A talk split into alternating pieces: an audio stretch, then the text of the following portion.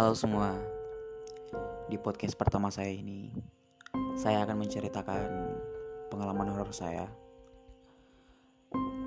yang saya alami bersama ketiga teman saya pada saat kami berada di bangku kelas 2 SMP. Pada saat itu 2000 berapa ya?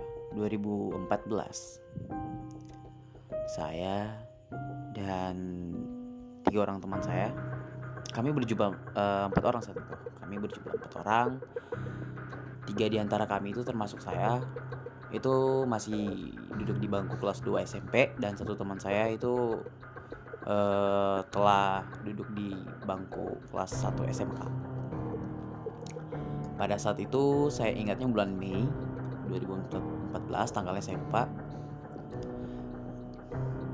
kami berencana untuk uh, explore hutan. Dari rencana kami itu, salah satunya kami akan melewati sungai, melewati sungai yang sangat ikonik dulu di daerah saya. Pada saat itu juga kami memutuskan untuk uh, menempuh jalur yang agak susah ya untuk dilewati apalagi pada saat itu kami masih bocah kami masih kecil istilahnya. Kami pun memutuskan untuk uh, memulai perjalanan tersebut besok paginya jam 6.30 yang tentunya kami harus berkumpul sebelum jam itu. Hari esok pun tiba. Pada saat jam 5.30 atau pada saat selesai sholat subuh saya menjemput teman saya yang kebetulan tinggal di samping gang saya untuk segera pergi ke titik pertemuan yaitu di sekolah kami. Di SMP salah satu SMP lah yang agak yang sedikit terkenal lah di daerah saya. Hmm, lanjut. Pada saat itu jam 6.30 kami masuk ke hutan. Itu melewati melewati jalur yang saya sebutkan tadi yang sangat-sangat susah. Itu medannya naik gunung, eh, alang-alang. Intinya perlu perjuangan untuk uh, mencapai titik yang kami akan tuju, yaitu sungai. Setelah beberapa jam masuk, kami menemukan sungai tersebut yang di mana rumornya sungai tersebut membentuk pola hati dan memiliki air yang sangat jernih serta dingin. Apalagi kami berpikir pada saat itu pagi hari yang di mana air sungai itu dingin dingin lagi dingin dinginnya. Setelah sampai di sungai tersebut, teman kami, salah satu teman kami itu melihat seekor babi hutan, di mana induk babi hutan itu memiliki anak-anak babi berjumlah tiga yang otomatis kehadiran kami itu sangat mengganggu. Dan mungkin mengancam bagi-bagi uh, babi-babi itu. Yang menyebabkan kami dikejar oleh para babi itu terutama induknya. Kami pun lari ke dalam hutan. Ke dalam hutan untuk bersembunyi. Tapi teman kami itu dekil ya. Dia bilang kayak, e, guys, ini mau langsung pulang atau mau explore dulu? Tanggung nih, udah di dalam, udah, udah di dalam loh katanya. Oke, saya bilang ya, oke, kalau gitu sejam dua jam aja kita explore. Setelah itu kita pulang. Berlanjut, salah satu teman kami itu mengeluh lapar dan haus. Kami pun uh, bergegas untuk mencari salah satu buah yang saya lupa nama buahnya apa, tapi saya tahu bentuknya itu kayak biji itu, kayak durian, tapi nggak sekeras durian. Mereka pun seingat saya itu melempar buah tersebut. Di mana pohonnya itu sangat besar, sangat-sangat besar. Beberapa buah pun jatuh. Beberapa buah pun jatuh. Mereka pun memakannya kebetulan saya waktu itu agak jijik dengan buah itu jadi saya tidak makannya kebetulan baunya juga agak sangat menyengat. Di momen itu kami pun sadar. Teman kami hilang. Yang tadinya di samping kami sedang makan hilang. Kami pun mencarinya satu jam dua jam baru ketemu. Posisi dia pada saat kami menemukannya itu bersila di tengah alang-alang. Bersila di tengah alang-alang di mana tidak ada tanda jejak kaki ataupun alang-alang yang bengkok. Kami pun memutuskan untuk mengejutkannya. Hey ngapain di sini kami pikir ya cuma bergurau kan? Dia cuma bergurau mau nakut-nakutin. Ternyata dia bilang ya kalian kan tadi ada di depan kan? Ada di depanku kan? Lagi makan kan? Ya kita bilang kayak ih kamu kan yang lari sendiri tadi yang tiba-tiba ngilang.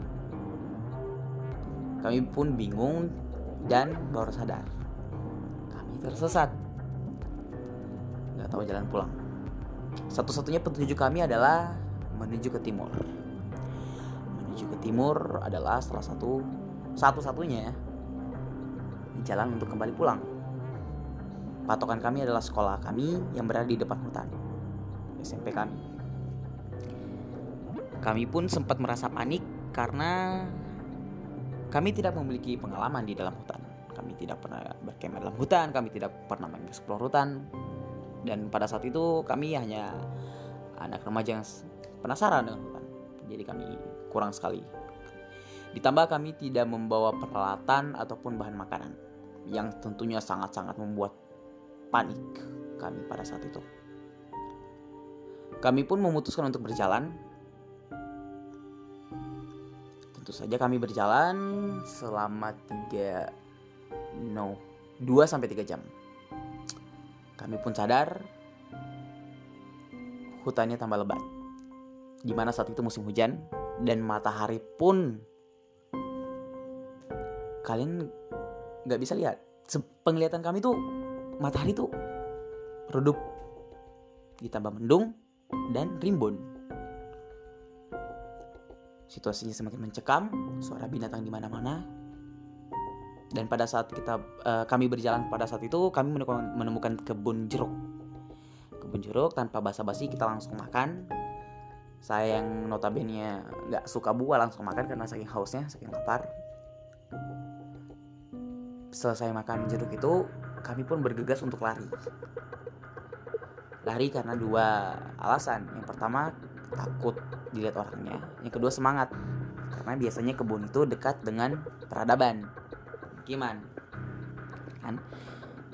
Kami pun terus dari lari kami tuh berjalan karena merasa sudah aman. Kami pun menemukan kebun lagi tapi kebun ini memiliki pagar yang sangat tinggi di dari ukuran kami. Tentu saja kami berharap ada orang di dalamnya. Kami pun memanjatnya dengan saling membantu. Kemudian di tengah kebun itu kami melihat seorang kakek-kakek ya pria kakek-kakek dengan umur 60, 50, 70 tahun ya. Saya saya juga kurang tahu dengan memakai topik tani dan sedang memotong kayu menggunakan kap, sebuah kapak dan memakai jubah hitam dengan jenggot putih di dagunya.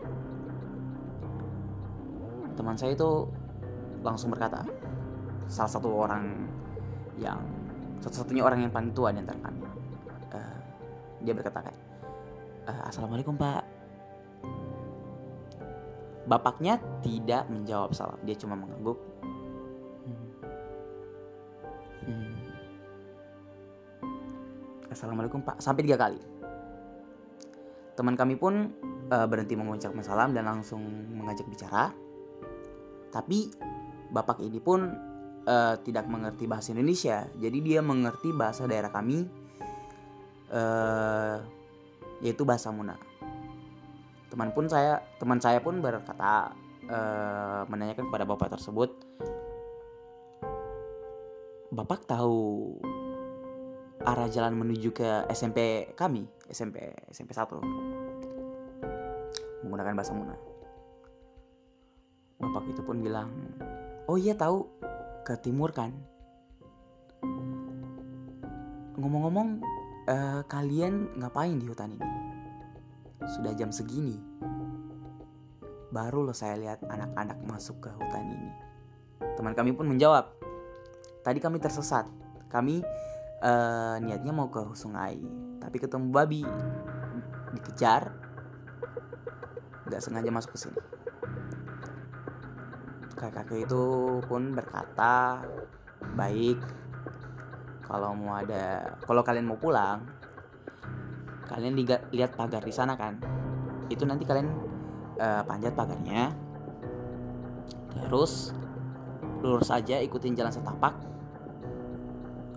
belok kiri. Di situ uh, para di daerah kami itu ada namanya oh lupa nama nama profesinya apa. Tapi itu profesinya itu uh, dia ambil ambil ngambil kayu jati ya secara ilegal. Biasanya itu pakai motor pakai gerobak biasa lewat situ. Katanya mereka sering lewat situ. Jadi tuh jalanan bagus karena sering dilewati kan.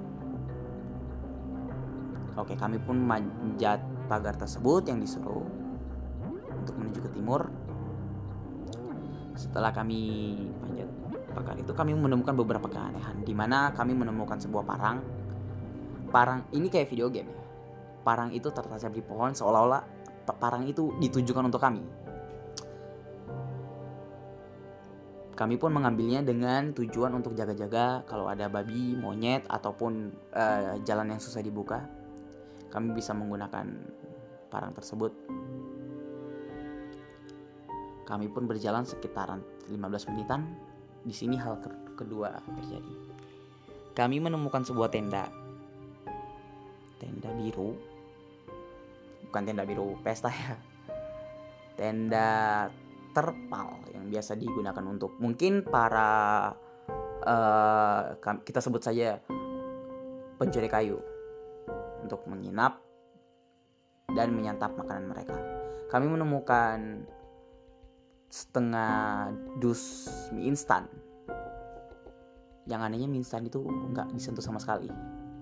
Bahkan ada mie cup ya yang udah dibuka tuh kemasannya tapi masih utuh dan nggak dimakan. Kami juga menemukan air yang kopi kopi yang tidak begitu hangat tapi masih layak minum. Kami pun meminumnya, memakannya dengan cara memakannya mentah karena saking lapar. Kami pun setelah itu bertanya ini orang-orangnya ke mana? Ini kita gak akan kena marah kan kalau ini. Tem, uh, teman saya paling tua pun kayak bilang nggak apa-apa kok kan kita hilang juga mereka pasti ngerti kita pun mengambil jalan lurus kami berjalan dan menemukan jalan yang dimaksud oleh kakek tadi pun berdebat situ. Kami berdebat karena jalan tersebut dipenuhi oleh lumut dan semak belukar. Ada dua jalan kami ketemu. Kami menemukan jalan belok, kiri, dan lurus. Di mana kalau lurus itu kami menemukan jejak kijang ya, jejak rusak di daerah kami itu ada jalan di mana rusa itu jalan poros di mana rusa itu saling suka menyeberang. Sementara di belok kiri ini uh, lumut dan semak belukar. Kakek tadi bilang kan, jalan ini sering dilewati. Tapi kalau keadaannya kayak gini, pasti enggak. Kami pun ada konflik ya pada saat itu teman kami yang paling tua itu saking takutnya kayak udah udah hampir putus asa ingin lanjut lo uh, belok aja. Tapi teman kami tuh kayak yang teman saya yang masih kelas 2 SMP juga meyakinkan bahwa harus lurus supaya dapat jalan poros. Dengan berarti pun ya teman saya yang paling tua mengalah dan lurus. Setelah lurus kami berjalan selama 30 menit dan alhamdulillah menemukan jalan. Jalan jalan poros pada saat itu tepat di depan warung kopi. Pemilik warung kopi pun berkata e, kalian lagi berburu anjing ya? Kalau berburu anjing jangan di sini. Di sana di bawah. Di sana tuh banyak anjing. Karena pada saat itu eh, zaman di daerah saya itu daging anjing itu diper, diperjualbelikan. Eh, saya pun menjawab bu bukan. Kami habis hilang di hutan ternyata kita hilang di hutan itu selama hmm, hampir 11 jam. Pada saat itu mau maghrib. Terkejut kayak wow sudah selama ini ya. Ada satu dan ada uh, seorang bapak yang langsung dari minum kopi ya berdiri dan tanya kalian habis hilang di hutan eh, iya pak ini kita habis hilang dari hutan. Uh, kami tersesat dari jam 6 tadi kami di dalam hutan. Bapak itu pun suruh duduk suruh duduk kami. Uh, ibunya disuruh buat buatin teh buat kami buatin teh sama kopi terus minum. Bisa minum ditanyakan tadi di hutan kalian ngelihat apa? Teman kami temanku pun bilang e, tadi ketemu bapak-bapak kakek-kakek nyaranin untuk belok kiri tapi kami lurus aja karena jalan di situ pun agak susah untuk dilewati. Di sini bagian klimaksnya bapak itu pun ngambil dua ekor ayam hitam. Satu dua nggak tahu. Terus nyembeli atau potong leher ayam itu di tengah jalan. Dan darahnya itu kena aspal terus berkata pakai bahasa daerah kami. Nggak puas ya sebulan kami kasih duk satu ekor sapi. Kecuali ngambil juga manusia. Di mana ternyata camp yang kami temu temuin di hutan tersebut adalah camp teman-temannya yang sampai sekarang belum pulang.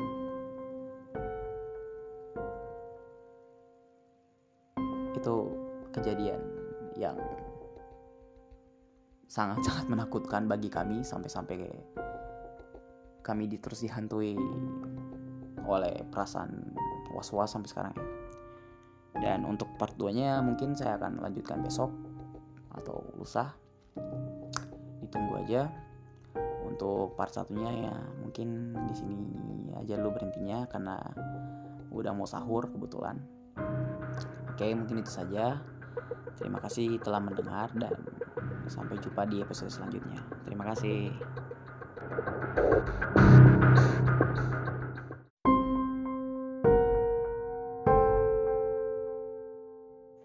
Malam semua. Kembali lagi bersama saya.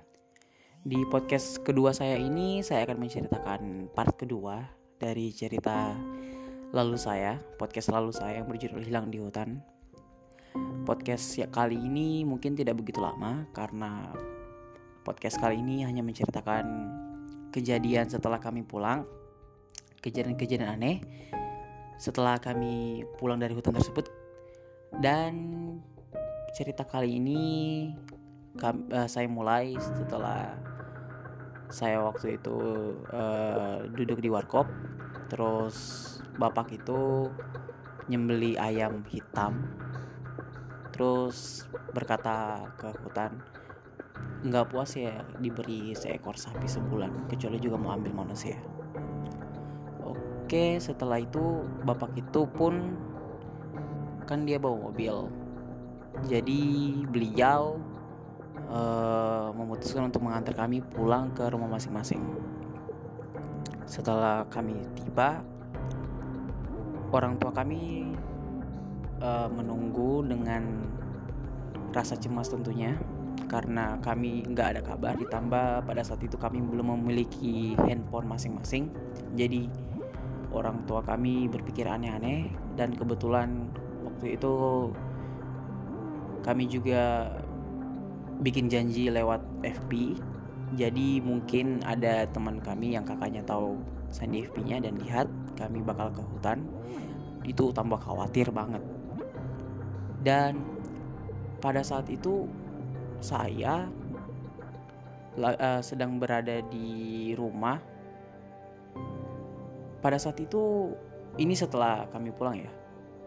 Pada saat itu saya ingin ke masjid. Nah, saya ingin ke masjid.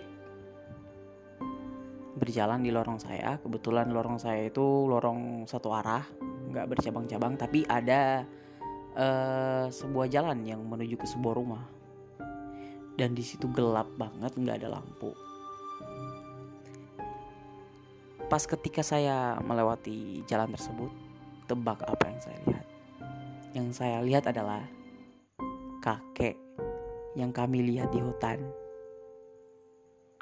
beberapa hari lalu dengan tinggi dan besar badan yang bertambah. Saya lihat sampai dongak. Itu tingginya sekitar 3 meter, 4 meter. Dan saya waktu itu masih SMP. Saya lari ke masjid sambil ngos-ngosan ustadz tanya ada apa? Saya sampai nggak bisa bicara. Terus disuruh tidur di masjid dan ingatan saya sampai di situ. Ditambah pengalaman teman-teman saya mungkin saya belum tahu juga karena uh, kami kurang komunikasi setelah itu. Ditambah kami setelah itu ber, apa namanya masuk ke SMA yang berbeda-beda. Ditambah kakak senior saya itu yang SMK nggak tahu tiba-tiba pindah mungkin itu saja untuk part 2 ini hanya untuk melengkapi cerita dan untuk teman-teman stay tune di podcast saya karena mungkin setelah ini saya akan membahas hal-hal yang fun yang sesuai dengan pop culture Indonesia. Itu saja. Thank you udah mendengarkan. Makasih.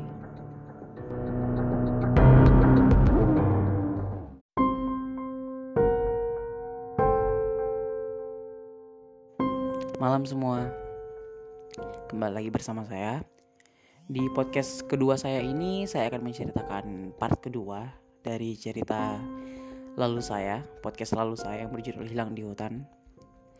Podcast ya kali ini mungkin tidak begitu lama karena podcast kali ini hanya menceritakan kejadian setelah kami pulang, kejadian-kejadian aneh setelah kami pulang dari hutan tersebut dan cerita kali ini uh, saya mulai setelah saya waktu itu uh, duduk di warkop. Terus bapak itu nyembeli ayam hitam. Terus berkata ke hutan nggak puas ya diberi seekor sapi sebulan kecuali juga mau ambil manusia.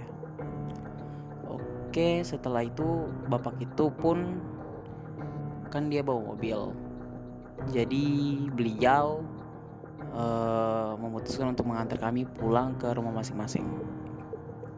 Setelah kami tiba orang tua kami uh, menunggu dengan rasa cemas tentunya. Karena kami nggak ada kabar ditambah pada saat itu kami belum memiliki handphone masing-masing. Jadi orang tua kami berpikir aneh-aneh dan kebetulan waktu itu kami juga bikin janji lewat FB jadi mungkin ada teman kami yang kakaknya tahu sandi FB-nya dan lihat kami bakal ke hutan. Itu tambah khawatir banget. Dan pada saat itu saya uh, sedang berada di rumah.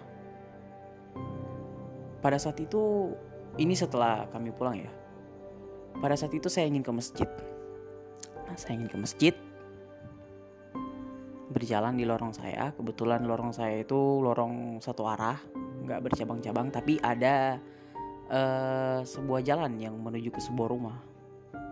Dan di situ gelap banget nggak ada lampu. Pas ketika saya melewati jalan tersebut tebak apa yang saya lihat. Yang saya lihat adalah kakek yang kami lihat di hutan beberapa hari lalu dengan tinggi dan besar badan yang bertambah.